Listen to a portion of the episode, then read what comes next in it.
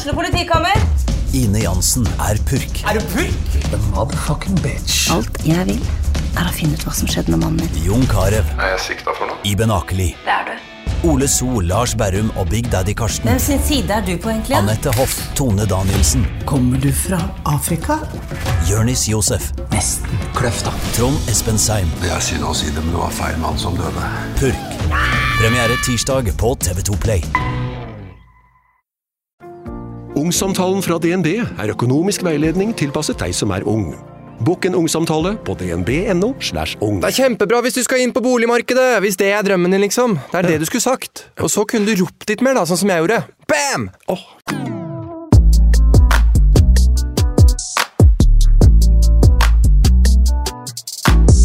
Du, skal jeg prøve å være sånn proff? Ja. Eh, Morten kan du fortelle litt om deg sjøl? Hvem er du, og hva driver du med? Morten Thoresen. Um, tannløs. Kjent som han tannløse som mangler tenner i kjeften. Um, jeg bryter på heltid.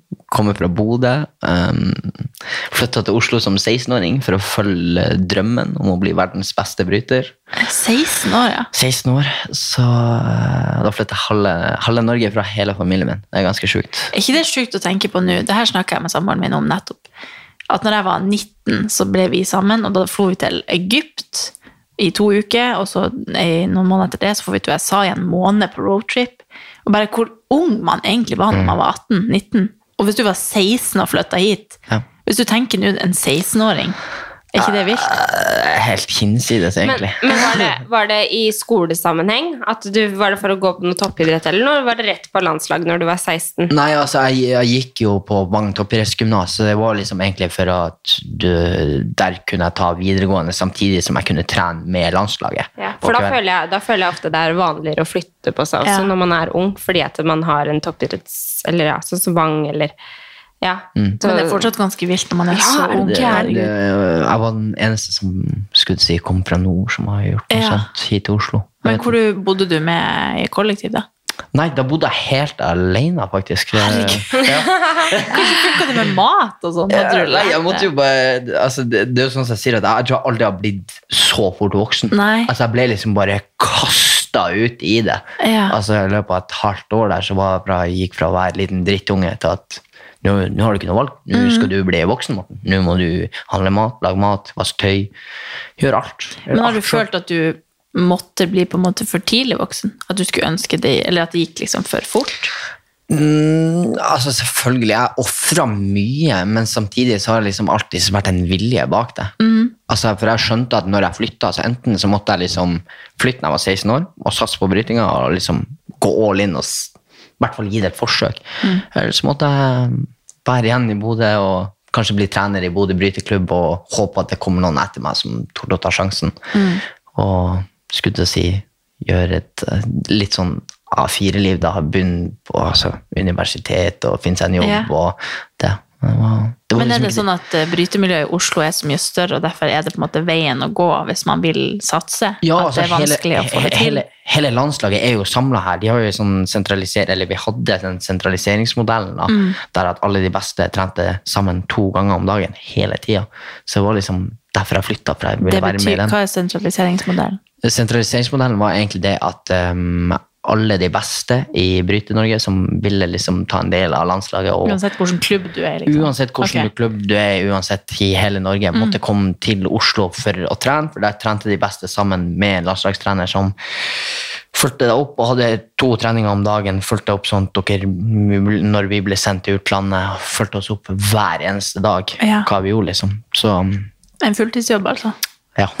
Men det er, jo, det er jo ganske kult at du som 16-åring også er så sikker på hvilken vei du vil gå, da, og så trygg på at det, det skal jeg få til. Jeg tenker jo meg selv som en 16-åring. Ja, altså Jeg hadde kanskje noen tanker om liksom hva jeg ville her i Men jeg hadde jo aldri flytta fra familien min for å satse på noe av det jeg hadde i tankene. på en måte. Nå er det jo sikkert noe annet når man driver med en fast idrett på den måten der. Men, men det er jo ganske kult, det òg. Eller sånn ja, det er litt hissig. Ja, men det er jo det. Jeg jo Men gikk du rett på landslaget når du var 16? Uh, ja, mitt første Var det på en måte en invitasjon Altså, fra nei. de, eller var det Nei, jeg var liksom på ungdomslandslaget. Det var vel første gang jeg var hva var det, 14 år så ble jeg sendt på ungdoms-EM. Så det var liksom Jeg føler det kanskje har vært med og trigga det, liksom. Ja. Fordi når jeg var sånn sju år og starta på bryting, så hadde jeg en trener som sa hvis du slår et grep 10 000 ganger, så kan du det. Slår du det 10 000 ganger til, så er du kjempegod. Men slår du det 10 000 ganger til, så kanskje, bare kanskje, blir du verdens beste. ja. Og så dum som jeg var liksom, som sjuåring, så begynte jo jeg å telle. Gjorde du det, eller? Jeg var, jeg var kjempedum. Fordi det var et eller annet med det å kunne si at faen, jeg er verdens beste i noe. Ja. Det, det trigger meg den dag i dag hvis jeg ja. sier det. Å kunne si det som ingen andre kan si, det, nei, det er bare et eller annet med det som trigger meg noe helt sykt. Mm. Men har du vært en sånn vinnerskalle eller konkurransemenneske fra du var liten? Ja, 100 100 altså Det var bare uh, Skulle liksom gå til butikken med kompiser, så ga jeg de forsprang 20 sekunder, og så springer jeg etter deg, liksom. Så tok jeg det igjen. Irriterende for gutta, da. Ja, ja, ja. ja men altså jeg- Dere er ikke venner lenger. Nei. Ja, Definitivt ikke. Da skal konkurrere om alt. Men eh, hvor gammel er du nå? 25. Du er 25, så du er født da i 97. 97. Jeg trodde faktisk du var eldre. Ah, ja. Ser jeg, ser jeg, jeg ser jeg Nei, men altså, Du slår meg bare som en uh, altså, hva skal jeg si, en mer reflektert Han ble og- voksen han var 16, Ja, han var altså. voksen, sant? Vi har jo akkurat snakka om det. Ja, ja. Men, uh, men uh, så kult, da. Og nå har du vært på landslaget hvor lenge? Åh, over ti år. Herregud. Ja, tida går fort. Ja. Men åssen funker det? Er det sånn at du må på en måte kvalifiseres? Nei, Eh, hvis du først har kommet inn på landslaget, hvor lenge Du har er der så lenge du er aktuell, da. nei, du må være best i Norge. Du må være best i Norge. Ja. Så det er på en måte NM hvert eneste år, og så må du Ja, jeg har ikke deltatt på NM hvert eneste år, men jeg har jo prestert såpass høyt i min vektklasse internasjonalt, og liksom alltid vært den som har gjort det best i min vektklasse. Så da har det liksom vært at jeg liksom har bare vært i systemet fordi jeg har vært så høyt oppe blant toppen. da. Internasjonalt også. Ja. Men altså, jeg kjenner deg. Altså mm, Jeg husker mitt første møte med deg. Å, det husker ikke jeg. Nei, det husker ikke du. Det var, på, det var på vårt gamle kontor, var det ikke det? På, eller var det på det nye kontoret? Å, Vitaminvel, for du skulle ha møte med Tina. Bakom slottet der. Ja, Ah, ja. ja stemmer det. Fordi du har jo vært en Noco-ambassadør veldig lenge. Ja, det har jeg. Ja. Det er litt artig å se tilbake på. Det er Men da, da, morsomt. ja, for da tenkte jeg sånn eh, Ja, da, ja. Da hadde du tenner. Da hadde du tenner. Det er stor forskjell fra nå. Men vi har jo kjent hverandre ganske lenge. Og du har jo litt av en historie Altså, nå er det jo Det er vel seks år siden, det. Ja, det er Noe kjempelenge sånt. siden. Ja, Det er ja. Det er veldig lenge siden vi satt på det kontoret også. Men eh, for du, du sier jo det at ditt største mål er å være verdensmester Å bli verdens beste, ja. Å bli verdens beste. Og du har jo vært veldig nære. Ja, Og du har vært veldig uheldig. Ja det kan man også si. For du har jo hatt litt skader og Ja, altså, Kan du ikke fortelle litt om det? Hvordan det er å ha skader? Ja, eller hvordan være så nære eh, og skulle For nå husker jeg ikke helt hvordan det var, for du skulle være med på VM, men så fikk du brudd i ryggen. Ja, det, det er ganske sykt. Det var i 2019, så um, faen hadde, Jeg husker jeg hadde prestert for første gang sånn skikkelig internasjonalt i 2018. Så hadde jeg tatt min første Da hadde jeg tatt tredjeplass i U23-EM. Tatt min Ja. første internasjonale medalje. Og Rett etter på VM tok jeg topp fem. Jeg greide ikke å ta medalje i U23-VM. Og så kom jeg 2019, og da jeg var så sugen på å ta min første seniormedalje noensinne. Og jeg trente og jeg trente. Jeg trente så Jeg hardt. husker det så godt, ja. Jeg trente så hardt. Jeg, jeg tror ikke folk har trent så hardt i sitt liv noen gang. Men hva det var, tre dager før jeg skulle dra på EM, da, så ble jeg kasta på et grep, og så til slutt så bare Nå greier jeg ikke mer. Og da bare, måtte jeg bare rulle av matta, og det hadde så vondt i ryggen at jeg greide egentlig ikke å komme meg opp. Og så var jeg direkte inn og ta MR etter det, og da finner jeg ut at jeg har et tretthetsbrudd i ryggen. Fordi jeg har kjørt så hardt over lengre tid, dreit opp i hvor vondt jeg hadde. Det er forståelig at du får bare, det, da. Jeg har bare tøyd strikken så langt at det, til slutt så ryker den. Mm. Og det var det, det var det jeg hadde gjort. Så tre dager før EM så um, måtte jeg bare, bare melde avpass. Og da var liksom jeg følte egentlig at hele livet mitt gikk i knus når du får beskjed om at du må ligge på sofaen i ti uker. Du kan ikke gjøre noen ting, Mm. for det her bruddet her må bli bra. Hvis ikke så får du aldri brutt igjen. Liksom, det her kan bli et varig men. da. Så det, det, det, skal, de ti ukene der jeg lå på sofaen, det var, tror jeg var noe av det hardeste jeg har gjort. Ja. Jeg tror jeg aldri har vært så sur på alt og alle rundt meg. Ja, da hadde du liksom visualisert eh, hva som skulle skje den sesongen. ikke sant? Ja, jeg, var, jeg var veldig klar. Som sagt, jeg var skikkelig sulten. Så det var jo sånn, når jeg var ferdig med de ti ukene der altså Det eneste jeg kunne gjøre på de ti ukene, var å sitte på en sånn jeg har sikkert sett det på sånn satsgym der de har en sånn maskin der du bare kan stå og sveive armene dine i en runding. Sitt Det hørtes veldig kjedelig Jo, jo, sånn, sånn, altså sånn Er det sånn? Ja, De som sitter i rullestol, bruker det veldig mye. Sånn Ja. som du bare sitter og sveiver. Ja. og de måtte sveive samtidig, for sveiva jeg annenhver, så oh, ja. roterte jeg ryggen bitte ja. litt, og det var ikke bra. Så det var din form for trening? Det, så jeg satt på den en time hver eneste dag.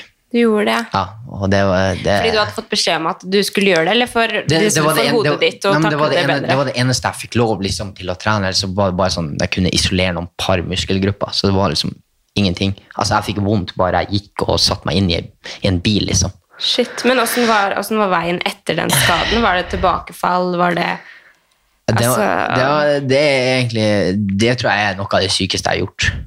Altså, det mm, jeg kom, når jeg liksom endelig kunne begynne å bryte igjen da, etter å ha tatt nytt MR og liksom sett at ryggen Nå ok, nå tåler ryggen her. Så mm, var det jo sakte, men sikkert. Og da måtte jeg da var jeg såpass gammel, da fikk jeg også beskjed om at Morten, nå må du begynne å lytte til kroppen din. Du kan ikke bare altså, gå inn og skulle du si, maltraktere din egen kropp. For det, det, var det, det var rett og slett det jeg gjorde. gjorde. Jeg gikk inn og bare sånn, jeg skulle drepe meg sjøl for at jeg skulle ta et steg opp. Jeg var liksom ikke noe smart med treninga mi. Så det var da jeg begynte liksom å forstå nå må jeg være smart. Får jeg vondt, jeg skal ikke ligge over den smerteterskelen der. ikke sant? Så og gradvis i ni måneder der jeg var jeg husker jeg var sjuk, jeg har- jeg har aldri vært så sjukt motivert noensinne. Nei, Jeg har så vært bra. på- vært på en så high, fordi jeg måtte først, først og fremst si unnskyld til alle etter de ti ukene. Det må, jeg, det må jeg legge til, for det var veldig mange jeg måtte si unnskyld til. Men eh, når jeg liksom var på de etter det, så var det bare ni måneder der jeg hadde sånn skikkelig flyt og motivasjon. og Det var ingenting annet som var viktigere i livet mitt enn bryting, så jeg dytta alt annet unna. Så kan du tenke deg, det, var, det er litt sykt å si det, men ni måneder etter at jeg hadde tretthetsbrudd i ryggen, så ble jeg historisk i bryting. Det var da jeg tok eh, EM-gullet mitt. Stemmer det. Det var ni måneder etter jeg fikk et klarsignal. Men var det, da var det rett før korona, da, eller? Det var rett før korona. Ja. Så i 2020, februar i 2020 så ble jeg europamester. Det er vel den fjerde herren i hele Norge som har blitt europamester. Så jeg skrev, jeg skrev meg inn i historien, så det, er- det er jeg Ja, veldig stolt av. Shit. Det er jo noe å ta med seg. Herregud. Det, det er det.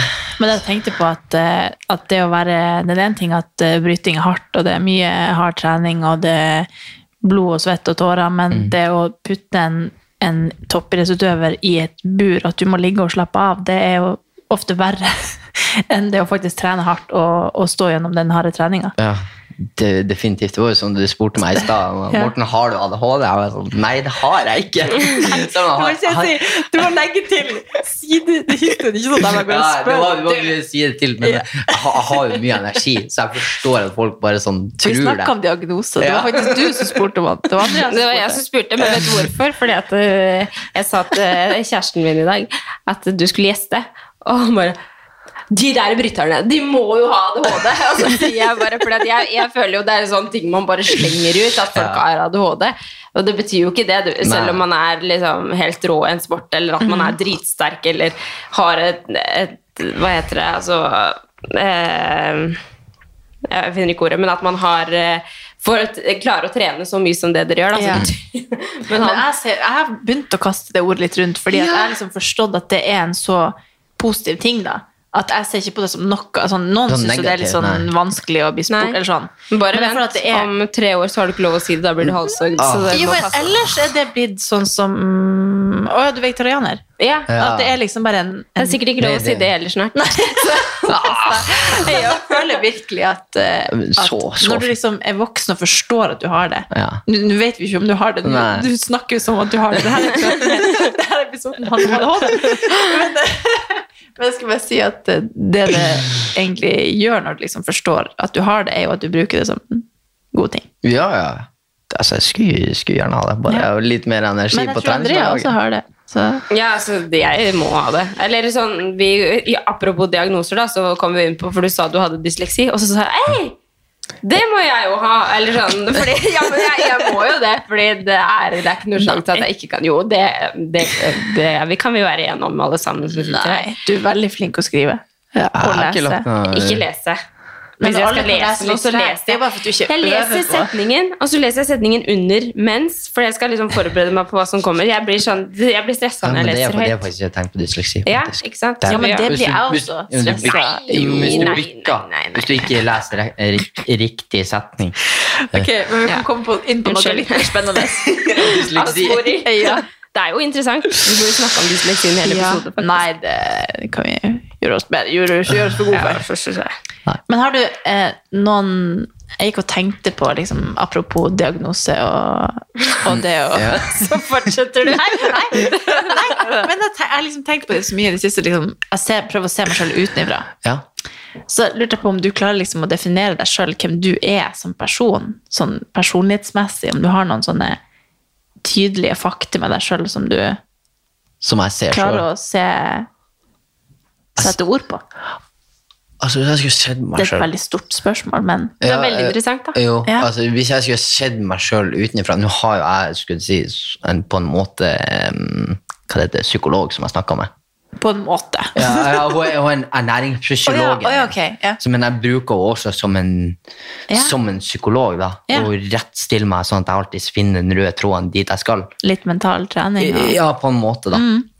Og da, da snakker vi om mye, fordi jeg er en Jeg skjønner sjøl også at jeg er en tenker. Jeg tenker gjennom alle valg jeg tar. Jeg stopper alltid opp altså, tre sekunder og tenker gjennom. Jeg, Mm. jeg, veldig gjennom jeg ville sett, sett på meg sjøl som en gjennomtenkt person, og som er kanskje sta og vet hvor jeg vil i livet. Mhm. Ja, ganske Ja. Det er egentlig sånn jeg ser deg òg. ja. Ja. Eh, jeg vet ikke hvordan du ser på meg, det vet jeg ikke. Men det er i hvert fall sånn kanskje jeg tror folk ser meg Ja. utenfra. For jeg har Mine meninger er sterke. Folk skjønner hvor jeg vil henne i livet. Mhm. Men er, det det, er du lik på en måte i, i gjengen på trening og med, med guttene og sånn, som du er hjemme eller med venner? Er du liksom to Eh, forskjellige personer da, eller er du Nei, det er jeg ikke. Altså, når jeg er med gutta, så er jeg fortsatt samme energiklumpen, men uh, jeg tror ikke det er så mange som ser også uh, baksida med meg. Fordi det hva- jeg har- tror jeg har vært én artikkel i media om det. Fordi jeg har en bakside der jeg også kan altså, Jeg drar strikken så langt og gir så mye av meg sjøl at at når jeg først skal slappe av, så må jeg slappe av. Mm. Da må jeg få lov til å være alene. Altså, Jeg kan ha gitt så mye av meg på et, stevne der at fuck, når jeg kommer hjem, så må jeg, jeg må ligge i senga i tre døgn. Og det, det, da ser ingen andre enn jeg sjøl det. Og de to jentene jeg bor med. da.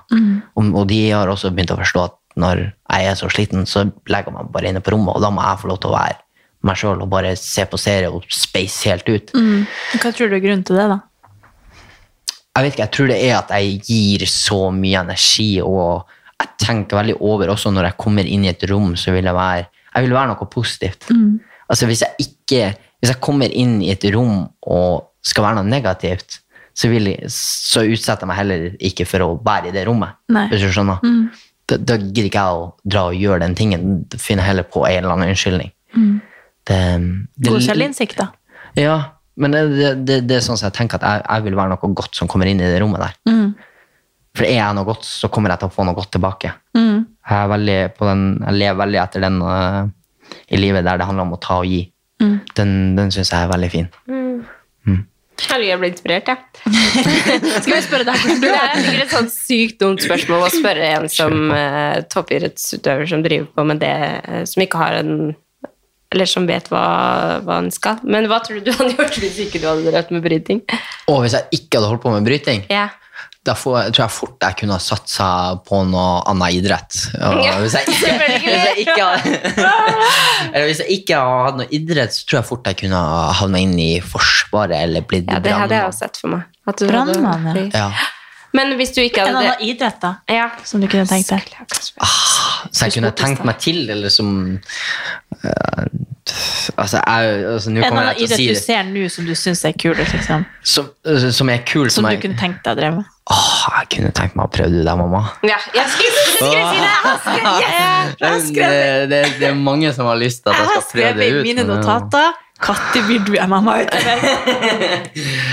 Nei, men det, altså selvfølgelig Du hadde jo det du hadde, hadde blitt det hadde vært kult å prøve ut, men samtidig det liksom, jeg må lære meg spa, spark og slag, og så må Mm. jeg liksom kunne grappling, og det blir å ta to år, og så må liksom, det er to år uten noe særlig lønn. Så det, Jo, men veien dit totalt kan jo bli ja, kan, enorm. ja, men samtidig, det, det, så MMA kan snu fort, får du en kakk i hodet, og du er ute, så er det liksom, Ja. Så, så er det, det, Du det er har nå et par jeg si. ser jeg. Men du, har- du, tanken har slått deg, da. Definitivt, Ja. jeg skal ikke si noe Jeg på det. Jeg liksom veien videre, liksom, når du Hvis liksom satsinga på bryting blir eh, kjedelig, eller blir det kanskje ikke, men at MMA kan liksom Der er er det ingen begrensninger. Det er jo selvfølgelig noen begrensninger der også. Jeg bare tenkte at det er jo fortsatt på vei til å bli enormt sånn eh, når man tenker media og muligheter og Jeg vet det, men samtidig, altså, da måtte jeg lagt ned si to og et halvt år, tre år for at jeg skulle liksom komme meg opp internasjonalt, og så når du kommer deg høyt, altså MMA-nivået, altså jeg som har fulgt med også, vet at MMA-nivået i verden, det har økt så sinnssykt mye fra år til år. Så det, det er ikke bare bare. Da må du ha litt flaks også. Mm. Fordi altså, får du en kakk i hodet og blir knocka ut der, så er, mm. da må du liksom starte da er det to år på nytt igjen for å få tilbake rekorden din. få tilbake mm. hele, altså hele, alle som heier på deg, og da går det fort fem år, liksom. Mm. Og da er jeg plutselig 30, så da, da begynner det å bli ganske seint. Mm. Så Nei.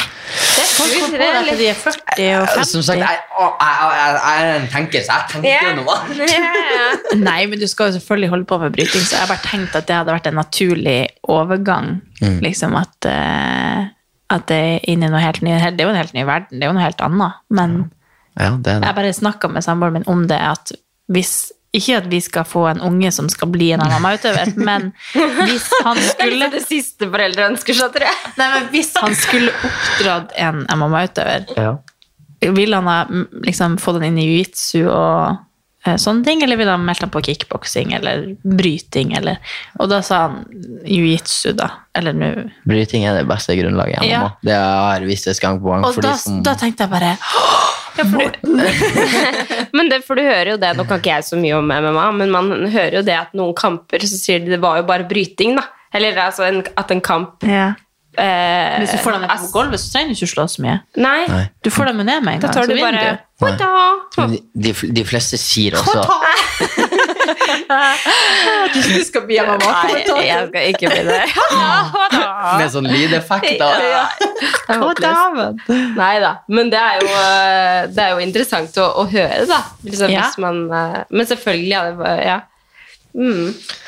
Men har du noen eh, forbilder sånn utenom idretten? Utenom min idrett. Mhm. Jeg syns det er spennende å høre hvem som er dine forbilder innen idrett nå. Vi kan ta det først. Ja, vi kan ta det først. Det er Stig André Berge som er min forbilde der. Det, Det var så åpenbart at jeg ikke ja, det var, det var, det var veldig åpenbart. for- for altså, jeg, var- meg, var, så- jeg var seks år, det var første gangen jeg møtte han Tenk. Stig, liksom, og da gikk jeg fram til han, og så tok jeg fram den lille labben jeg hadde, og ga imot han og sa mitt navn er Morten Thoresen, Men jeg er Nord-Norgesmester i bryting. Har du tenkt noen gang hvor mange av de her småguttene som gjør det med deg? Ja. Jeg håper, Er ikke det jeg vilt? hå- jo, jo. Jeg håper bare at det kommer masse smågutter etter meg. Ja. Som bare sånn sier jeg skal være neste gale tannløse. Ja, ja. type. Altså, det er så sykt å tenke på at uh, circle of life, altså. Ja. At her uh, sitter du liksom og er Nå trener han deg og skal gjøre deg enda bedre, og Mm. du er kanskje bedre enn alle allerede. Så Ja, jeg vet ikke. Det, det kan ikke jeg si på helt ennå. Han har jo noen medaljer som jeg ikke har, så jeg, får. Jeg, jeg tør ikke å si noe der. så lenge. Nei. Jeg holder meg ydmyk der. Ja. Jeg, tror, jeg kan si det for deg. Men, men eh, ja, nei, men så, også, ja, eh, forbilder utenfor idrettene. Utenfor idretten. Eh, Den første som liksom Jeg kan huske den som trigga vinnerinstinktet i meg da jeg var liten. Eh, det var faktisk han Ole Einar Bjørndal. Å ja. Ja, når jeg satt og så på OL i lag med bestefar, så var sånn, og bestefar bare sånn Han er verdens beste! Og liksom når du satt og fulgte med liksom, på vinter-OL, det var helt Det var noe helt unikt, liksom. Og det var det som tror jeg trigga meg og hele vinnerinstinktet i meg. Så Ole Einar Bjørnland altså, Men det er litt sånn som jeg tenker også jeg har lært i ettertid, så jeg tror ikke mange tenker over. Det er sånn, Når man ser et forbilde, så kan man ikke ta alt det de gjør, til seg. Nei. Man må se på et forbilde, og så må man liksom Hvis du ser på et epletre, så må du plukke og prøve ut de tingene som fungerer for deg. Fordi det er ikke alt han gjør som fungerer for deg. Man må liksom ta de små tingene fra alle sammen, sånn at du får den beste utgangen. Ja, det er et sunt forhold å ha til det også, da. For det, ja. Mm. Men uh, du snakker litt om OL, og er det uh, noe du har i tankene? At det, OL er jo min største drøm. Ja. Det er jo sånn som folk spør meg om. Altså. det er større enn VM, ikke sant? På Ja. en måte. Altså, jeg, jeg kunne ha tatovert OL-ringene i panna mi hadde jeg tatt OL-gull, liksom. Ja, jeg Ja, ja. kunne det. Uten tvil. Det, det står så høyt hos meg. Når er Det er 2024, er det det? 2024 i Ja. Paris. Paris. Paris? Oi, Oi, oi, det visste oi. jeg faktisk. Det hadde jeg faktisk hørt. Kjærlighetens by. Men det er det neste store målet, da. Ja, det er det. Spennende. å hvordan funker kvalifisering til OL? Oh, det, da må jeg være topp fem på VM neste år. Eller så har jeg to stevner i 2024, der jeg må være topp to. Så stevne i 2023. Ja, VM i 2023, og så i 2024 så har jeg to stevner der jeg må være topp to. Så um, det er et hardt nåløye. Det er 16 plasser i OL, men jeg har egentlig bare muligheten til å kvalifisere meg inn på 10 plasser. Fordi alle, det er jo sånn europakval at alle fra hvert eneste kontinent skal være med. Det er jo det som er OL. Så jeg har egentlig bare muligheten på ti plasser. Hva, hva, hva føler du selv? Det nåløyet der er lite. Ja. Men uh, som sagt, jeg er jo ranka som nummer åtte i verden nå, så jeg må jo høyere enn det. Wow. Ja. Her sitter du. ja. Jeg må høyere. Du må høre. Ja, men det, det er jo en ærlig sak. Men hvordan er veien mot det? Hva er på en måte det du trenger for å komme deg dit? Eh, Hvis dette hadde vært nå om to måneder, hadde du følt deg klar da? om to måneder? Ja. Nei, gi meg litt lengre tid. Ja. Ja. Som sagt, nå er, er er, jeg liksom i startfasen, så jeg, jeg liker alltid å ha en sånn psykomengde med trening inni kroppen. ja. Sånn, jeg, gjerne ni om- måneder, bare sånn helt sinnssykt oppbygning, liksom. Ja. Det er da jeg trives best. ja. Men, ja. Men eh, liksom, apropos kamper og Blir du nervøs? Ja, det blir jeg. Hva Har du noen sånne ritualer du må Ja, gjøre? jeg må bli nervøs. Du må bli nervøs, må for da blir blir du nervøs. skjerpa, på en måte? eller? Eh, jeg liker å visualisere både i dagligdags og før jeg skal i kamp. Det er et eller annet med det at før jeg skal i kamp, da, så liker jeg liksom å kjenne det sånn ytterst i fingertuppene, at jeg er litt sånn kald. Den liker jeg liksom å Ja. kjenne Å, det er så ekkelt. Og så må jeg liksom Nei, mamma. Og så må du kjenne liksom det lille trøkket i magen. Og så du, må, du må liksom ikke overtenke det, du må liksom bare kjenne på det, og rett og slett bare kjenne at det her, her er noe godt. Men finner du til slutt roen sånn rett før? Ja, ja, jeg har, jeg har roen inni meg, men, Men altså, hvordan klarer du å gjøre det til at det ikke blir ubehagelig? Det, altså jeg hadde sånn når jeg var og skulle liksom ha en liten presentasjon på, på jobb. Og jeg bare kjente at jeg var så kald, så satt jeg og tenkte sånn Faen, jeg hater den følelsen her. Hvorfor er jeg sånn? Hvorfor er jeg ikke bare Så prøvde jeg å tenke sånn Bare chill. Prøvde, liksom. For jeg merker at jeg blir awkward og rar og liksom klarer ikke å skjære Eller sånn at det blir en positiv ting. Nei, Det du- blir bare negativt. da, jeg har jo prøvd og feila mye, men eh, så, det handler jo da om å liksom rå seg ned og tenke at de følelsene der kommer fordi det her betyr noe for deg. Mm. Det, altså det, de kommer fordi du har lyst til å prestere. Ja. det det bare, egentlig så er det bare gode ting. Og alle de som er rundt deg, vil jo at du skal prestere på ditt beste. Så de, men de legger ikke noe press på deg. Det er kun du sjøl som legger press på deg. Så- Men merker du, må du liksom noen gang tenke sånn Jeg er god nok, eller liksom på en måte booste deg sjøl på den måten at du sier positive ting til deg sjøl for at du skal føle deg bedre? Eller Ja. går det i Jeg har alltid tre ting jeg sier til meg sjøl. Ja. Dette kan jeg, dette har jeg gjort før, jeg er best. Å ja. Det, det, de, de tre tingene som går i hodet mitt om og om igjen. Ah, ja. De må jeg liksom si inni hodet mitt. Dette kan jeg, dette har jeg gjort før, jeg er best. Hæ. Før jeg går ut på kamp der. Og det er veldig sånn Så har jeg mye andre ting også som jeg liker å psyke meg opp med. ja. Men man må Men det er noen hemmeligheter med det. ja. skal det bli best. Nei, det, det, det høres så sykt ut å si det, men det er også jeg liker liksom å se på meg sjøl som en psykopat før jeg går ut på matta der. Ja, men det tror jeg, det tror jeg på. Man må jo nesten det. Det, det holder Jeg tror er ikke du skal tenke at du er sånn gutt som løper på en eh, blomstereng og bare Det blir ikke noe Nei, men jeg er jo mer den som jeg s- vil liksom være den psykopaten som går inn der og tenker at nå skal jeg bryte i seks minutter. Du skal være jævlig glad for at det er seks minutter, for hadde det vært en time, så hadde jeg drept deg, liksom. Det er, sånn, jeg, er liksom, det er nesten sånn at øynene mine detter bakover, for jeg skal være så inni det. Yeah. Så, så mentalt Nesten gal, liksom. Kan du kjenne igjen- udødelig. Kan du kjenne igjen den følelsen du får da, eh, og når du blir skikkelig sinna? Om jeg blir skikkelig sinna? Nei, men jeg bare ser på meg liksom sånn Aldri har jeg kjenner seg igjen på trening. Nei, jeg vet ikke helt hvor det Men er bare, når du sa det, så tenkte jeg sånn Det er jo noen ganger man blir så sinna at det svartner. Ja, ja. Eller at man får lyst til å bare Ja. Om, om, du, om du kan Er det to like følelser? Du blir kanskje ikke så sinna, du? Nei, nei, jeg blir ikke så sinna. Nei. Nei. Da, da er det greit. Da, jeg, kan, jeg kan svartne hvis jeg har tapt en kamp. Ja. Da, da, da vil jeg ikke ha vært men da er det mer sånn skuffelse. ja. Ja. skuffelse, sinna ja. Ja, Ja, det Men bryting er jo sånn som du sier at du føler som at du må bli en psykopat. da. Ja. Er det sånn at du noen gang føler at du må opprettholde et slags image fordi at bryting er så tøft?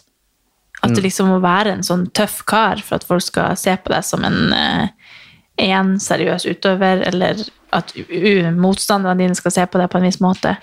Overhodet ikke. Nei. Det er over, overhodet ikke. Altså, jeg føler ikke at image eller noe sånt det, Jeg er bare den jeg er, og det kommer jeg til å stå for hele tida. Ja. Jeg merker du sikkert når jeg er mye innom kontoret, at jeg er egentlig bare en jordnær person som Ja. er sta, og jeg har mye følelser, jeg har vært gjennom mye, og jeg er kanskje veldig betenkt. Det er i hvert fall sånn jeg føler sjøl. Mhm. Og det er mer sånn, jeg vil alltid føle at jeg sjøl er imøtekommende, spesielt når jeg møter dere to som har vært imøtekommende siden første dag jeg møtte dere. Ja, men det skal dere virkelig ha skryt av, for Ja. det- dere begge to har vært skikkelig imøtekommende med meg. Det er Det er hyggelig. Mm. Jeg Men det er liksom en, en veldig rar ting, for du er en eh, Det samme som jeg snakka om Cecilie Bolander, som liksom driver med MMA, og at man er så tøff, og så når jeg ser dere liksom, når dere kommer innom, eller eh, når jeg blir kjent med dere, så er dere bare så søte. Eller sånn, man er så fine mennesker, og så er det jo Det er man jo selvfølgelig, selv om man driver med kampsport, men eh, på Instagram eller sånne ting, så ser man liksom ut som at man er en sånn her røff fyr. liksom. Ja Ja.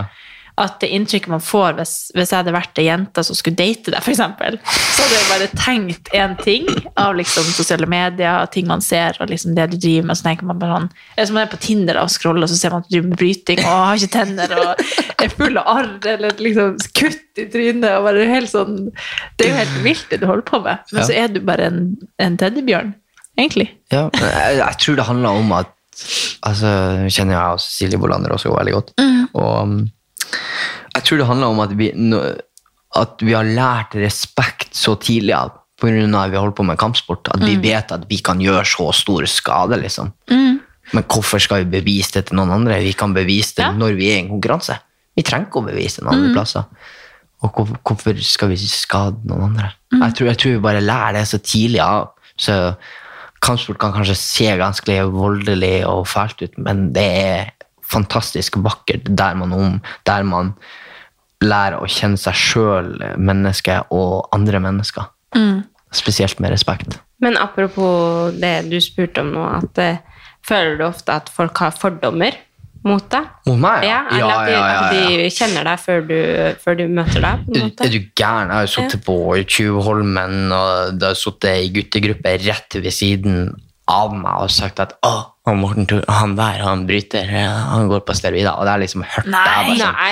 Jo, jeg er bare sånn Er du fette seriøs med meg? Men konfronterer du hvis du hører sånne ting? Akkurat der og da så ga jeg ikke det, men er det noen som tar det sånn rett i fjeset mitt, så kan jeg være brennsikker på at jeg er ærlig tilbake og bare kjører hardt mot hardt. Er folk harde mot meg, så kjører jeg hardt tilbake. Men det er så Men man skal høre mye når man er på topp, det må man jo bare Ja. leve med. Fordi folk kommer til å være sjalu og ha meninger. Og jeg tror mye av det er det som er som du sier, at når man vet at man er god i en ting, eller har en trygghet i seg sjøl, eller vet at det man holder på med, er en bra ting, og at du ikke skader noen, du er liksom et hyggelig menneske og alt det her, Mm. så tror jeg man, man blir veldig mye mer eh, eh, Hva det heter Ikke genuin, men liksom soft på en måte overfor andre mennesker, for man har forståelse for ting som er vanskelig. og liksom at, Jeg klarte ikke helt å forklare hva jeg mente, men, men at det er en eh, Folk som behandler folk dårlig, er ofte mennesker som ikke er bra med seg sjøl. Så, ja. Mm. Definitivt. Ja. Men fordi en ting er jo at du er på landslaget i bryting og er på ganske høyt nivå innenfor bryting, men det er, det er jo også en TV-serie som kanskje også gjør at det er enda mer oppmerksomhet rundt, eh, rundt deg, da, og dere rundt deg som driver med bryting. For du er jo med i Hodet i klemme. Ja, Ja. det er Når er det det starta opp? For det er jo sikkert mange som ikke heter Tenner i fanget. Hvor er tennene mine? Når var det den kom ut? Den kom vel ut i Var ikke det i fjor? I fjor vinter Jo, i fjor, jo, kan nok stemme, I fjor, ja. i fjor vinter kom, begynte vel den å rulle på TV. Det, det var jo egentlig bare et sånt pilotprosjekt NRK hadde, som egentlig bare skulle være et, eh, fire korte episoder på 20 minutter. Men så syntes jeg det var så bra. Hadde, vi, er, vi er jo karakterer, hele gjengen her. Forskjellige karakterer som hadde så mye bra å komme med, tydeligvis. Og så syntes NRK det var så bra da ble det åtte episoder på nesten en time. Så det var Det tok jo greit av. Det, Ja. Så ja. Men åssen har du takla det? Eh, at det på en måte går fra å være Det har på en måte vært sporten også, Det er jo fortsatt det som selvfølgelig er det som du holder på med, men det er jo klart at det, det er jo ikke noe å legge skjul på at det blir mye støy rundt, da. Når man plutselig er på en TV-serie, og folk har et eh, forhold til deg uten å kjenne deg, og Altså, det blir jo mye mer personlig, da. Ja, altså det har jo sine opp- og nedturer plutselig bli kjent i Norge. Det, det er jo ikke noe tvil om. Altså, um, um, kjempebra for meg å komme opp og frem og kanskje få litt mer oppmerksomhet for de bragdene jeg tar. Men selvfølgelig å bli kjent i Norge, det har sine ulemper det også. Altså, så det, Hvordan måtte? ja, men det er jo interessant. Jo, jo, nei, jeg, jeg, altså, jeg, jeg har sagt det i serien, men det kom jo ikke, det kom ikke fram da, og jeg tror ikke det kommer til å komme fram i sesong to heller. Jeg kan, jeg kan ikke si det, nå må jeg være veldig forsiktig med hvilke ord jeg Ukens annonsør er Hello Fresh, og Hello Fresh er verdensledende matkastleverandør. Oi, vent, magen min rumler. Oi. Jeg blir så sulten. av- altså, det, Hello Fresh er så digg. Det har ikke vært en eneste uke der det ikke har vært digg mat. Jeg skjønner ikke hvordan jeg skal klare å kopiere oppskriften etterpå, fordi de har så mange smarte sånn krydder som alle har hørt om, og det er liksom det er helt enormt gode oppskrifter hver uke. Og man kan velge mellom 25 ulike. Og denne uka så har jeg valgt eksempel familievennlig, tidseffektiv, eller hva det heter, og kalorismart, sånn at det er liksom sunt og godt og raskt, og, men samtidig næringsrikt. Og det som er kjekt, er jo at hvis du vet du skal ha gjester, eller hvis du vet at du skal eh, trenger mat for flere personer, så kan du bare adde flere personer i selve matkasseleveransen. Og også hvis du, sånn som nå, eksempel skal på påskeferie eller et eller annet sånt, så kan du bare sette på pause den uka som du er borte. Altså, du bestemmer helt selv når du vil få det levert, og det er ingen bindingstid, så jeg driver hopper av og på hele tida ettersom at jeg ser at jeg skal være borte en stund, eller sånn, så enten kan man pause i uke, eller så kan man bare hoppe av, fordi det er ikke noe binding. Ja, så slipper man å ha matsvinn. Jeg har i hvert fall erfaring med det at når jeg har Hello Fresh, så kaster jeg mye mindre mat. Ja. Og jeg eh, er mindre på butikken, kjøper mindre ræl, liksom. Det er jo det som er. Hvis man er på butikken hver eneste dag, så kjøper man jo masse ting man ikke trenger. Det er Ja. så digg å bare få det levert på døra. Altså, det, det er jo kjempebillig, det er jo, altså, du, de siste årene jeg har brukt det, så har det vært helt magisk, fordi du får akkurat det du trenger, og får prøvd så masse nye matretter som du aldri før ville prøvd, fordi Altså, jeg er jo ikke sånn som driver og leter etter smarte Altså, jeg skjønner jo ingenting. Så jeg bare trykk, trykk, trykk, trykk, så får jeg oppleve så masse ny mat. Ja, jeg er helt enig, og akkurat nå så har vi faktisk en rabattkode til alle nye brukere som ikke har testa HelloFresh før, og de kan bruke koden HelloCatAn og få opptil 1779 kroner rabatt på de fem første matkassene. Tusen takk for at HelloFresh er med og sponser ukens pod. Bruker, for jeg, jeg vil ikke si at jeg hadde angst, men jeg opplevde sosial angstanfall da. Fordi når serien sto på, skulle du si, når den kom ut, når alle episodene var kommet ut, og så hadde jeg tilfeldigvis ferie da, så var det sånn, jeg kunne ikke gå ut når det var rushtid, eller kunne ikke dra ute på lørdag, liksom dra ute på festen da jeg først hadde fri da, fordi det ble, det ble for mye. Altså, jeg følte at alle blikkene så på meg fordi jeg ble stoppa hver, an, hver andre meter jeg gikk. Det, det, det var helt ekstremt. Men det tror jeg også det er noe med. For én ting er jo hvis det hadde vært sånn gradvis oppbygning her. At liksom det hadde Oi, der var, liksom, oi, der var det en som visste hvem jeg var, og så er det sånn tre dager senere, så er det Men at det går fra én dag til en annen, og så vet alle hvem du er, og så har alle en mening om deg, det tror jeg er liksom Hvem er det som egentlig takler det bra? Ja, det, var, det, det, var, det, var, det var helt ekstremt. Men fordi, Eh, føler du at det var mye fordi eh, det bare var ekkelt at folk kjente deg? Eller eh, hadde du noen negative opplevelser rundt det også? Egentlig så hadde jeg egentlig bare fine opplevelser med folk som stopper meg. Det, altså, jeg syns det er veldig koselig at folk stopper meg. Som sagt, jeg er en åpen og ærlig kar og jordnær og alt som jeg prøver å være. da. Men um, det jeg kjente på når jeg fikk de her få anfallene som jeg hadde, da, eh, det var vel egentlig det at jeg følte at jeg ikke kunne gjøre noe uten at det ble sett. Altså, jeg, jeg kunne liksom jeg, jeg, altså, Fordi alle hadde en mening. Altså, det var sånn Det var helt sykt. Det var liksom Altså, søndag, dra ut og kjøpe seg en burger la med en kompis, så er det folk som kommer der og sier at 'Morten, kan du spise det der?' Ja.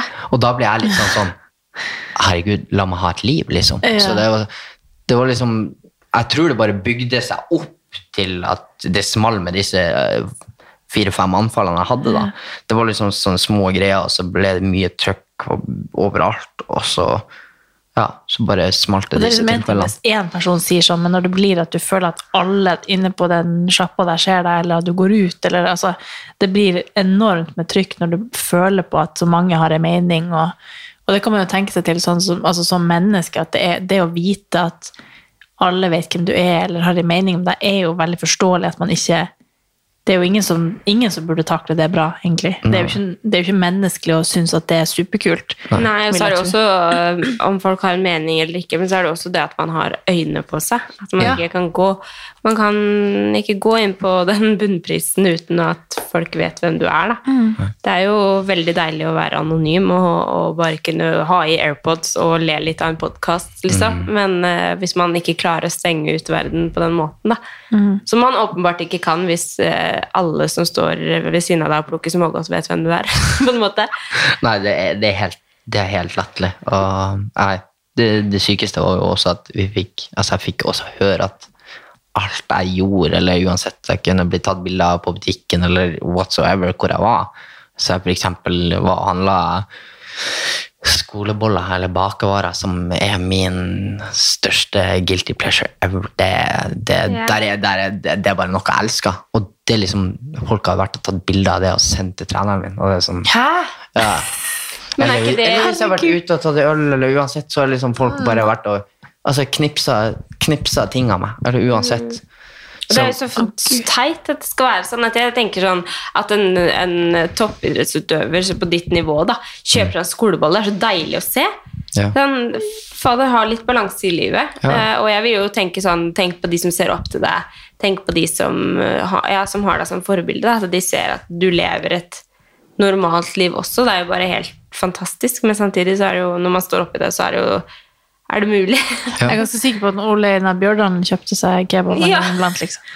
Var det ikke han iblant? Ah, jo, men han er jo ganske sjuk, da. Men Jo, men at man, man må jo liksom ja, ja, ja, ja. Men eh, det, det, er viktig, det er viktig å leve også. Ja. Men det var de små tingene der som jeg tror Men vil du bare si noe om hvordan det opplevdes?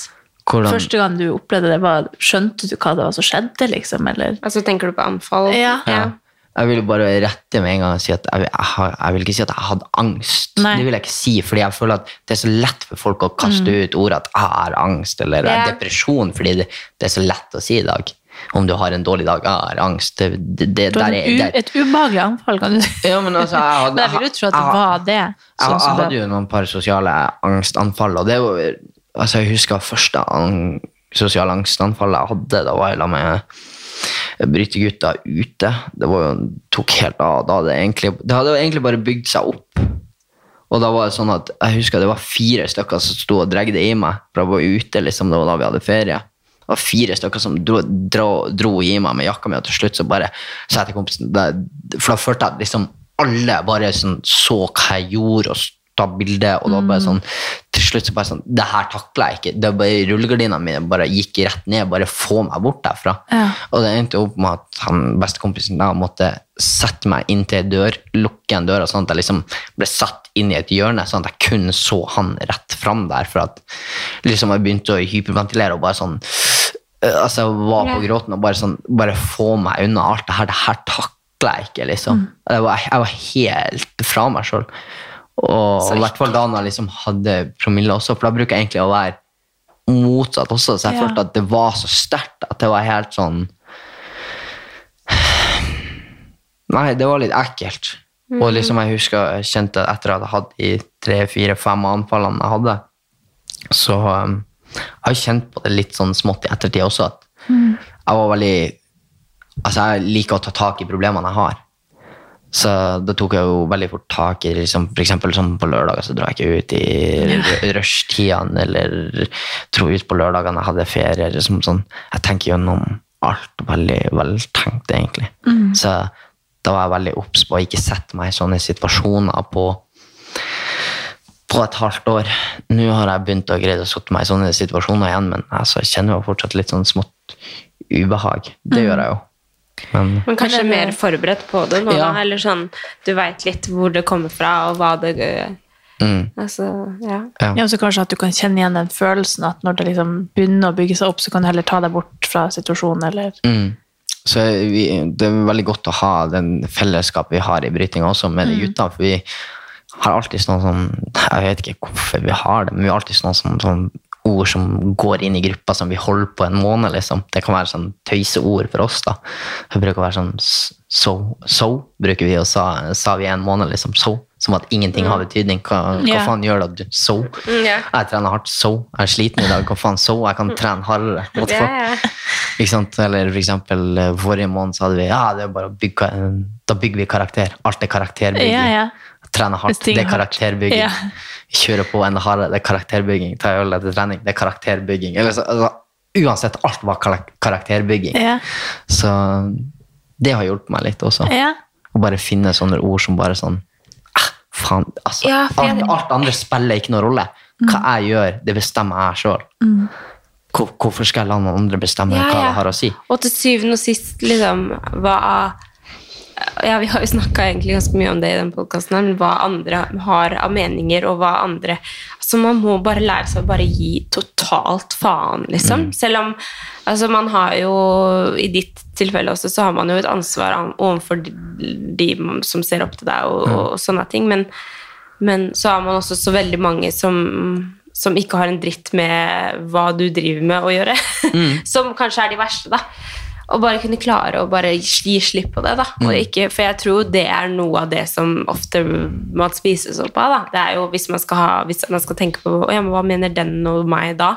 Det er jo ikke, Til syvende og sist så må man jo bare være tro mot seg selv og hva man selv føler er riktig. da, og Så lenge man holder på med det. og så Om man er litt full en lørdagskveld, så Faen, har ikke vært det. så, så karakter. faen. ja, men eller sånn, det må, Man må bare gi litt faen, da. Karakter. Trene hardt på søndag òg. Så mange ganger er sjuk?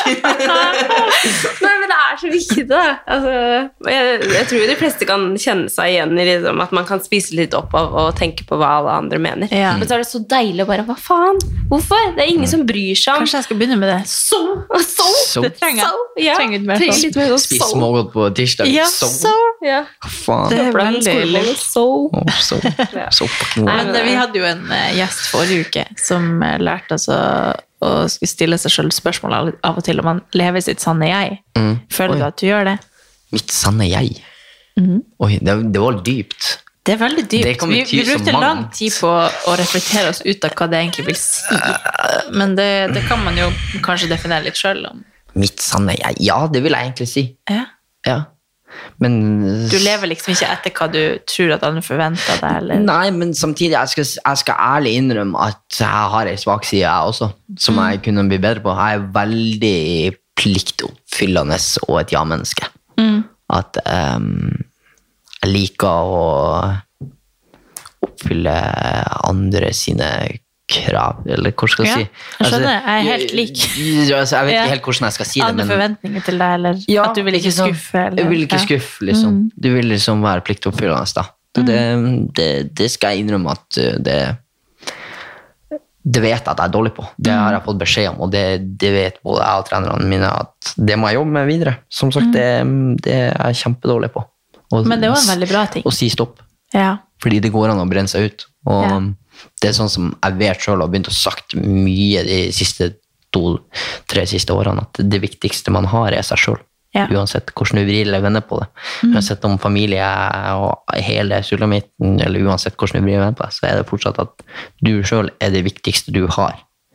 Punktum. Mm. Det, det er i hvert fall det jeg tenker. ja.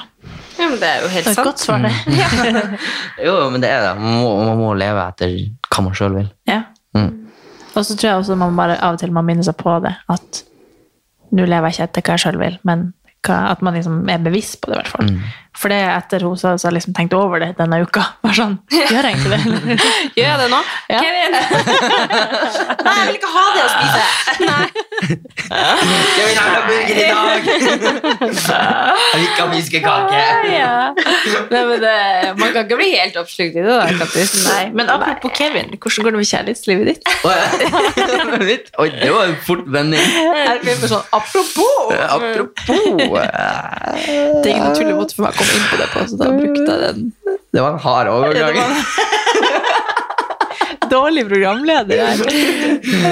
Kjærlighetslivet mitt, det Det her er altså et lytterspørsmål, så jeg skylder på de. Mm, Ok, ja. Mm, ja. Uh, nei Uh.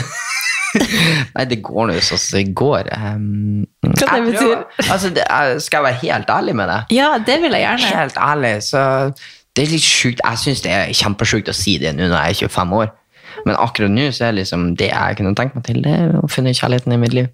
Det bare Ja, men det er ikke sjukt. Og slå meg til ro og bare sånn nei, Jeg trodde du skulle si 'jeg har aldri lyst på det'. Men det er ikke sjukt, det heller. Nei. Men jeg, jeg syns det å ha noen Altså, jeg syns Men kjærlighet da er så kaller vi episoden det. Morten på Tinder. Det kommer nok av i sesong to. jo, det klemmer.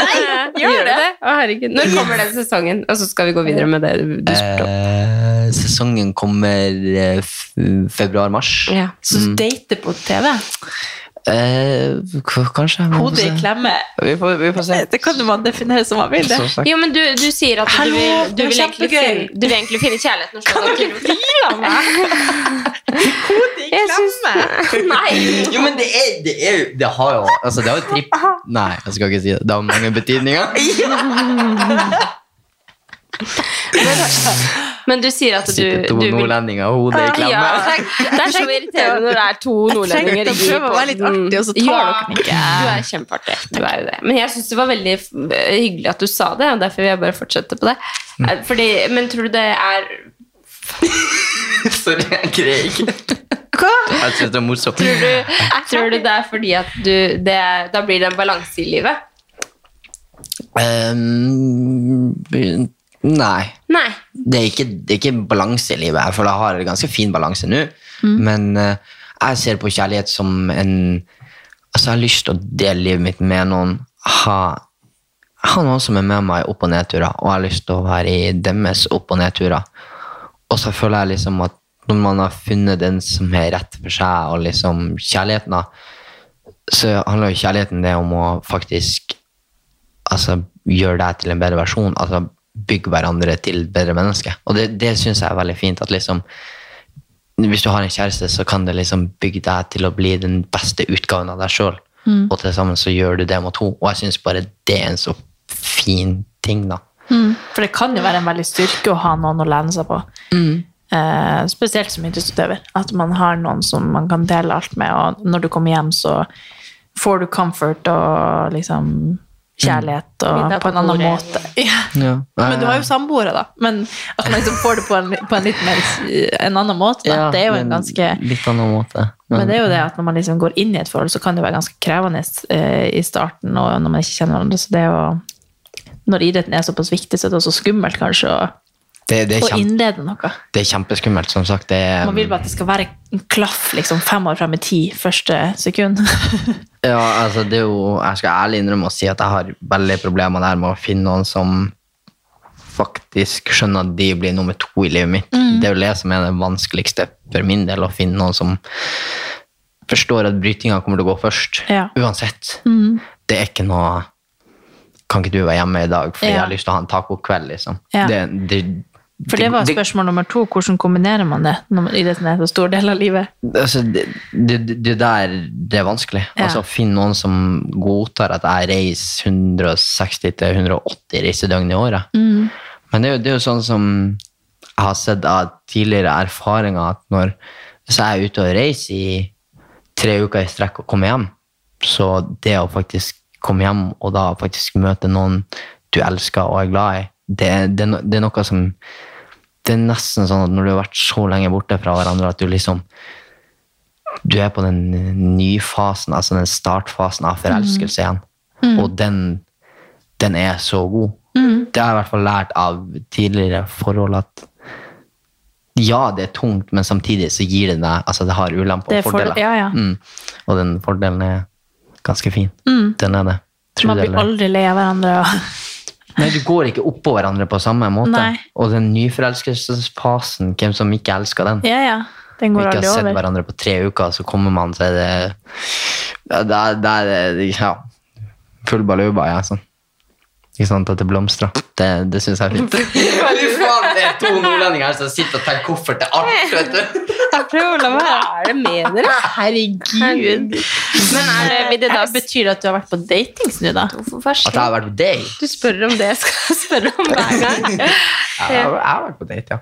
Ja? Ja, jeg det. finner de på Tinder, eller finner de på matta, eller er det Det er jo, altså, jeg har ikke tid til å Nei, altså, nå til dags så føler jeg enten så finner man det på Tinder, eller så er det via en fest man har vært ute på. Jeg er jo ikke så mye på fest. Du får ikke mange sliding in your DMs og sånn? jeg, skal, jeg skal ærlig innrømme at det har vært litt av det. Ja. Det har vært det, men jeg har liksom jeg har liksom ikke funnet perfect klaff. Jeg jeg jeg vet ikke hvorfor. Det er jo ikke gitt at den uh, the one uh, bare havner i fanget ditt. Det er jo, Ja, nei, nei. ikke. Altså, som sagt, jeg er jo på Tinder og jobber sjøl også. Mm. Jeg jo, men uh, jeg tar det ganske chill. Jeg er er ikke sånn som er sånn psyko-jakt ute. Liksom på jakt. Det, det skjønner jeg, det går ikke. Det, er bare, det blir bare for dumt, liksom. Heller ja, kona matata. Ta livet så det kommer seg. Yeah. Så Men sånn som du sier at du vil finne, deg, finne kjærligheten og, og liksom leve, leve det livet, da. Er det Mm. sånn at du, du ser for deg at du vil stifte familie og liksom sånne ting også? Eller er det langt fram i tid? Hvor ser dere selv om Ja. fem år? om fem år Ja. Det er et stort spørsmål, da. Det er stort Om det er egentlig litt sånn, Jeg vil også være litt forsiktig med å spørre om det, men jeg følte jeg kunne spørre deg om det. Det kan du spørre meg om. Ja. Um, om fem år så er jeg olympisk mester, satsa Ja. bryting, og uh, forhåpentligvis er jeg sammen med kjærligheten i mitt liv. Ja. Det, det håper jeg. Det er der jeg håper. Må ikke finne på å finne deg en søring. Uh, om jeg har barn om fem år, det kan jeg ikke tørre å si. Men um, det er jo jeg, jeg, Altså, jeg vet ikke hvorfor. Altså, I hodet klemmet så kommer det jo mye fram om hvordan um, mitt forhold til faren min har vært. Og jeg kan ærlig innrømme også at en Altså, det er tre, det er tre grunner for at jeg kan legge bryteskoen på hylla, liksom. Og det er hvis jeg mangler motivasjon, eller hvis jeg blir skada, så for, altså motivasjon og penger, da, skal sies, hvis jeg ikke har det. Eller så er det hvis jeg blir så skada for det at jeg ikke kan holde på med brytingen. Og det tredje er egentlig den dagen jeg blir pappa, så legger jeg skoen på hylla. Du gjør det, ja. Ja, fordi det å Jeg vet ikke hvorfor, men jeg har en sånn Jeg, liksom, jeg fikk aldri det pappaforholdet jeg hadde lyst på. Så jeg har, så, jeg har mål og en drøm om å liksom bli verdens beste pappa, da. Da du skulle spise. ja, det er koselig hvis det er sånn lyd, så Ja, det er mye. Ja, nei, men det er jo det er en, det er en ærlig sak, det, og det er jo egentlig veldig fint at du vet det også, for det er jo også noe som ofte man reflekterer Nå skal vi ikke drive og snakke om barn og sånn, jeg vil jo bare spørre om det, men uh, som man også reflekterer over når man får barn, da. Og sin egen barndom og hvordan man selv ønsker å være. Så, så det er jo veldig fint at du har det klart. Det, ja. Man har jo forskjellige mål i livet. Ja, ja, man man har det. det Et av målene mine er å bli pappa en dag. Ja. Bli verdens beste pappa. Det, ja, det blir jeg skal bli verdensmester i det òg. Ja, ja, ja. Jeg skal bli verdensmester i alt jeg gjør. Alt er konkurranse. Men ville du ha oppdratt ungen din til å bli bryter? Oh, det er Eller prøvd liksom å inspirere til det? jeg, hadde nok dytta han litt inn i brytemiljøet for Ja. å sjekke, men også så er det liksom vil jeg at ja, tar, tar egne valg. Ja. Ja, det er jo ikke Jeg vil ikke at han skal liksom gjøre det pga. meg. Det vil jeg ikke. Mm. Fordi fy faen, det er en hard vei, hvis jeg får lov til å si det på godt nordnorsk. Ja, ja. Satan i Her helvete. Ja, for det, det, det, det, det er brutalt. Ja. Det er brutalt. Det, nei. Men et annet fremtidsspørsmål. Mhm. eh, ser du for deg at du vil bo i Oslo? Eller vil du tilbake til For du er fra Bodø? Det, det, er sånn- det er litt sånn som jeg tenker at uh, faen eh, som Hvor i Bodø er du fra? Jeg er fra Skivika. Nordsida. Det, ikke, det var ikke kjent nok på. Nei, det er litt på utsida. Um, Nei, altså for min del så spiller det egentlig ikke så stor rolle. Det er litt sånn, jeg tenker, Finner jeg kjærligheten i mitt liv nå de neste fem årene, mens før jeg legger opp, så er det liksom, da skal hun få bestemme det. Så er det litt sånn, hvis jeg får, hvis jeg får, Hører dere? hvis jeg får lov til å satse, så tenker jeg liksom at da har min prioritering ja. kommet så godt fram at det er på tide å prioritere henne. Da skal hun få lov til å være. Det er stort. Fordi da tenker jeg, altså, så, For min del, så lenge det ikke lenger noe i den boden Nei. Fy Du, faen, Alta er veldig fint. Ja, det, det tror jeg på, men det er jo faen den mørketida er Ja, det er faktisk altså. ja, det er jo det. det. er jo det. Jeg har liksom tenkt at hvis jeg skal nord, så er det sånn Hvis om jeg ville bodd i Harstad, så Tromsø er liksom enda lenger nord, og så sånn Bodø, men Bodø er så langt sør at jeg kunne like gjerne bodd i Harstad. Sånn, det var sånn alt er liksom, Det er alltid et, en for og imot, på en måte. Ja, ja. Men, uh, men jeg kjenner mange bodøværinger som elsker Bodø, og det er det beste i verden. Så. Ja, jeg er jo Bodø-patriot, så det, søng, det er det ikke noe tvil om. Ja. Men hvor jeg ender opp henne, det må gudene vite. Men, eh, sånn karrieremessig, eh, ser du for deg at du driver med bryting om fem år? Altså på profesjonelt jeg har jo sagt at jeg kommer til å satse i 2024. Ja. Og jeg ser jo at eh, 2028, eh, neste OL etter der igjen, banker fort på døra også. Mm. Så um, fort blir 2028. Det blir nok fort det siste. Ja. Herregud, Men kroppen er- 2028. Det der er liksom så langt fram. Ja, det. Høres ut som sånn der eh, alien-film. Ja. Men det, det er jo sånn som alle idrettsutøvere lever jo i en fireårssyklus. Ja, ja. Det er jo fra OL til OL. Ja. Så jeg må se. altså Alle sponsorkontraktene mine går ut i 2024, så hva jeg gjør etter det, det må jeg Jeg kommer nok til å bruke mange måneder og tenke hardt og nøye om. Fordi å satse fire nye år med smerte og reise rundt og det, det er brutalt. Men er det til, siden, ja, eller er det til tider er du lei? til lei. Altså av og til, altså selvfølgelig, Jeg har jo også motivasjonsknekken av og til. Det, det skal jeg ærlig innrømme. Men uh, Men jeg, jeg tenker sånn reising og og reising ja. Åh, Ja, jeg var ute og reiste en gang seks uker i strekk. Eh, Siste, siste, siste uka der. Da, da, da kjente jeg det helt ekstremt. Da, Da savner du meg så mye. Ja, da, altså det, du må huske at vi, da, er vi sammen, da er vi åtte stykker som er oppå hverandre i seks uker. Du bor på samme hotellrom, du er, spiser samme maten. Det er liksom Da er det på tide å komme seg hjem. Altså, Det er ingen seng som er bedre enn sin egen seng hjemme. Nei, jeg, altså, jeg kunne aldri vært på reise så mye. Nei.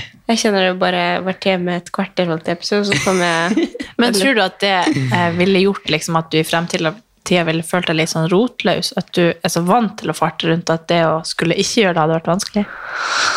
Altså, det er jo omstilling. Det, altså, det skjønner jeg også at det er for, Når den dagen kommer, så kommer det til å bli en forferdelig og vanskelig omstilling. Men eh, jeg prøver å se og lære på alle som gjør den før meg. Ja. Og det jeg har sett og lært, det er egentlig det at man må bare være ærlig med seg sjøl. Hvis man er ærlig med seg sjøl, jo tidligere man begynner på det, liksom, hvis jeg ser at ok, om et år så da er jeg ferdig, da er kroken på døra for min del, så må jeg bare, jeg må bare tørre å si det høyt. Det er akkurat samme som at jeg tør å si høyt at jeg skal bli verdens beste bryter. Det er fordi jeg tør det.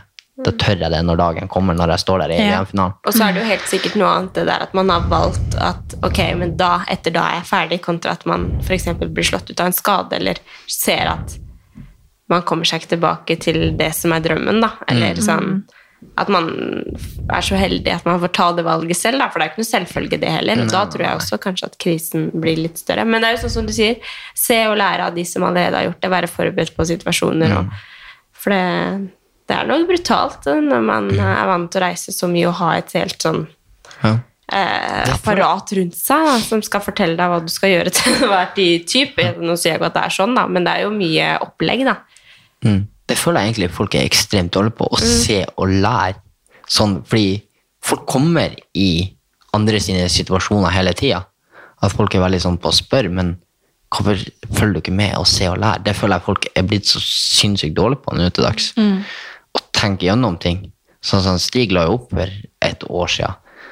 Og jeg husker et året før så begynte jeg allerede å se og begynne å lære hvordan ting er det han gjør før han legger opp nå. Liksom, ok, Han starta litt med en bedrift på sida der, han begynte liksom å tilrettelegge der. ikke sant? Begynte å gjøre familien sin klar, begynte å si fra til sønnen sin at nå er snart han pappa hjemme. ikke sant? Sånne ting. Og det er liksom Nei, det, det tror jeg er det smarteste man kan gjøre, å se og lære av andre også. Oi, nå kommer det og henter deg. Det var det jeg tenkte. Jeg skulle si noe. Vær stille. Vær stille. Men eh, jeg tror vi skal nærme oss litt avslutning her. Har du noen ting du Jeg bare synes, jeg kunne sikkert skravla i 100 år. Ja. Vi har jo ikke spurt liksom, hvordan treningshverdagen din ser ut. Nå har du fortsatt to økter om dagen. Nå har jeg fortsatt Hver dag? Ja, det, Og så har du litt ferie av og til. Ja, jeg har jo fri som regel, kanskje en lørdag. Ja. Da, har jeg, da skal jeg slappe av. ja. Hva er det du unner deg da? Fem sjokoladeboller. Er det sant? Nei, Sjokoladeboller og Urge er liksom favoritten. Å ja. Urge. Gamer og sånn nå, eller? Nei, nei, nei. Det minner meg om broren sånn min som satt foran PC-en. ja. Nei, Ja. men jeg gamer ikke. Jeg har ikke gama siden Nei, jeg men det er jo 17 år. god brus. Herregud. Ja, det, altså, det smaker behag. Smak og behag. Men eh, hvordan henter du deg inn imellom økten? Og tre, trener du liksom Når Ja. du har fri da på lørdag, da trener du ikke i det hele tatt? Nei, da Fordi det, det som har skjedd, er at han, har- vi har vitner som ser han på crossfit. Mm. På en lørdag. Nei, Ja. i ukedagene òg.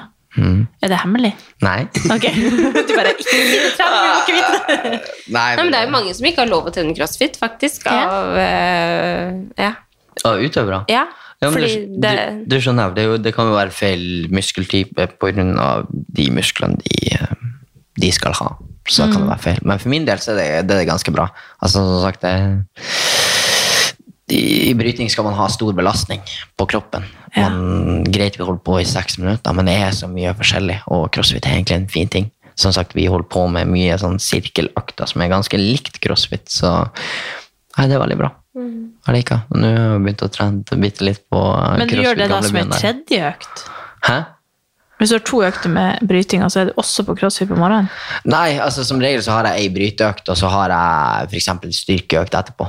Så Ok, har Men da jeg, kan du bytte det ut av og til, kanskje? da har jeg liksom bytta ut sirkeløkta med crossfit-økt, og så Ja. når jeg er ferdig med crossfit-økta, så kjører jeg ekstra.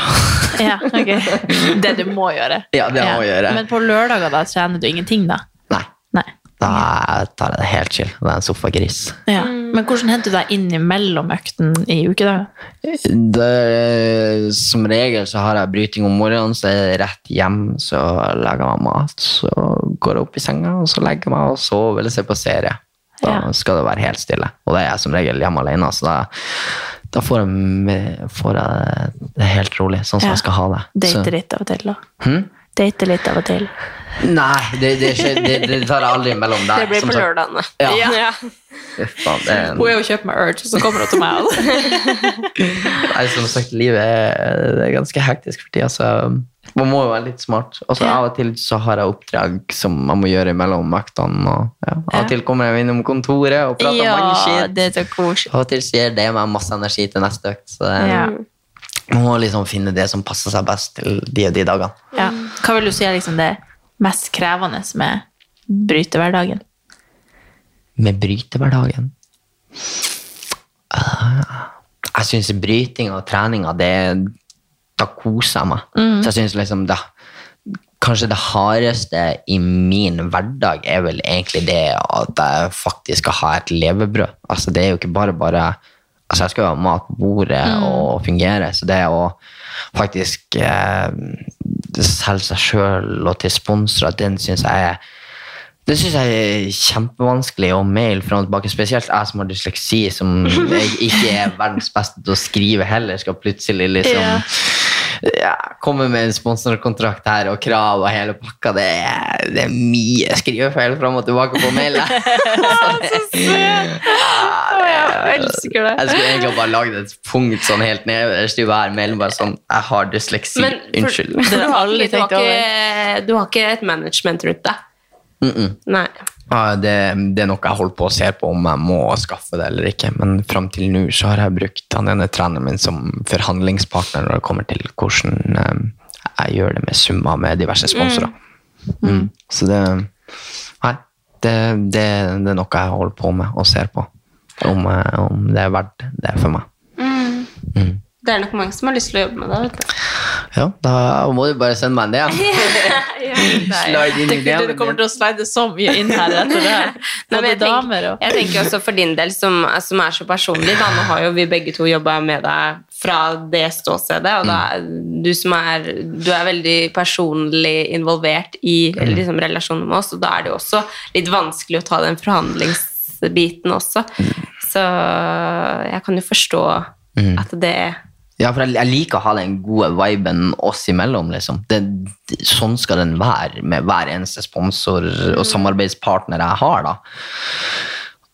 Og det, da kan den liksom ødelegge totalt, føler jeg. Liksom, hvis det skal være krangling om summer, så er det liksom åh, La oss bare Ja, ha det gode gjort. for, eh, forholdet gjort. Jeg sitter jo på en måte på den sida med deg, men jeg ser jo på deg som en venn. Ja, Så ikke sant? Det- Samme til deg. det det- neste så jeg burde Jeg må liksom be noen andre om å ta den, den praten. Ja, men det, det var jo liksom en av grunnene også yeah. for jeg fikk noen andre inn og yeah. tok den praten der. Fordi jeg vil ikke ha noe med det å gjøre. Nei. La noen andre ta den for meg, liksom, så kan heller vi holde det gode punktet og kan ringes på telefon eller uansett. Liksom. Det, som sagt, som du, som du sier, er jeg, lik- jeg liker å være personlig. Jeg, jeg liker er jo- det liker jo på en måte de som sitter på andre sida også. Mm. Så jeg tenker en god blanding er fint. Men forhandlingsfasen er fin, og Mm. at noen kan ta for deg. Nei, det, det er jo akkurat det samme. Så du kan ikke date noen over nettet hele tida. Man, man faktisk- man må faktisk gå møtelig. Ja. Det, det er en fin ting, det. Ja. Shit, det blir spennende å se hvordan din fremtid ser ut. Ja. Jeg gleder meg til hodet klemmer, jeg nå.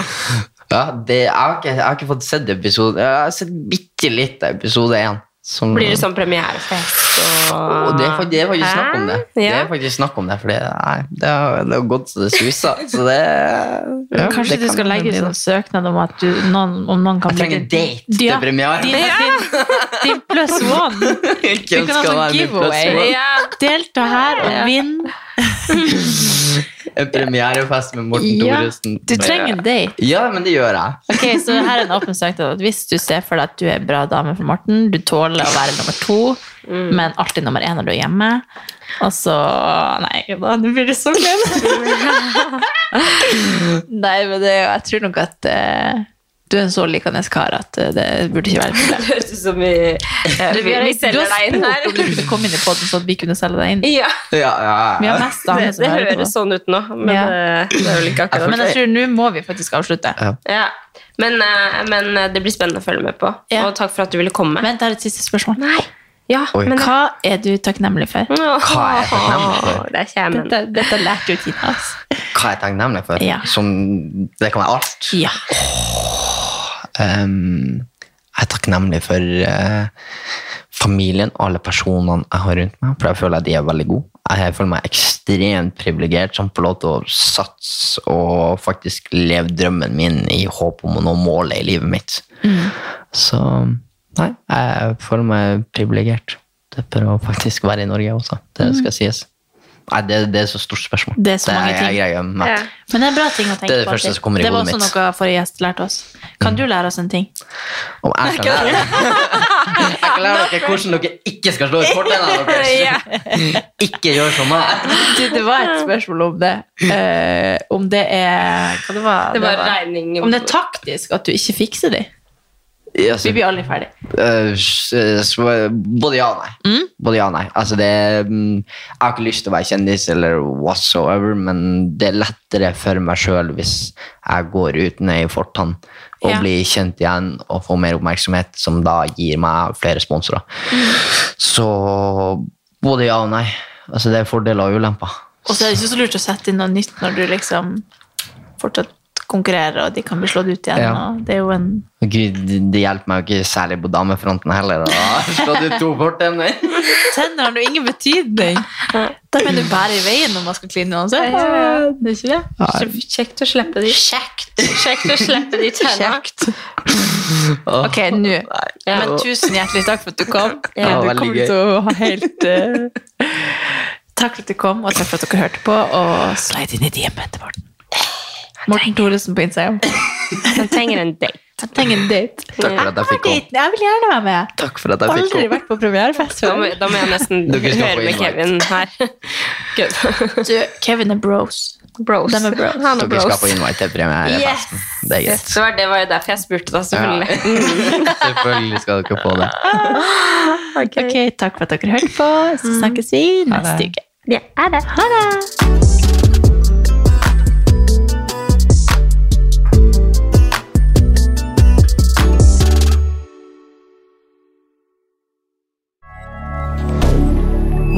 Media. Har du et enkeltpersonforetak eller en liten bedrift? Da er du sikkert lei av å høre meg snakke om hvor enkelt er med kvitteringer og bilag i fiken, så vi eh, gir oss her, vi. Fordi vi liker enkelt. Fiken superenkelt regnskap.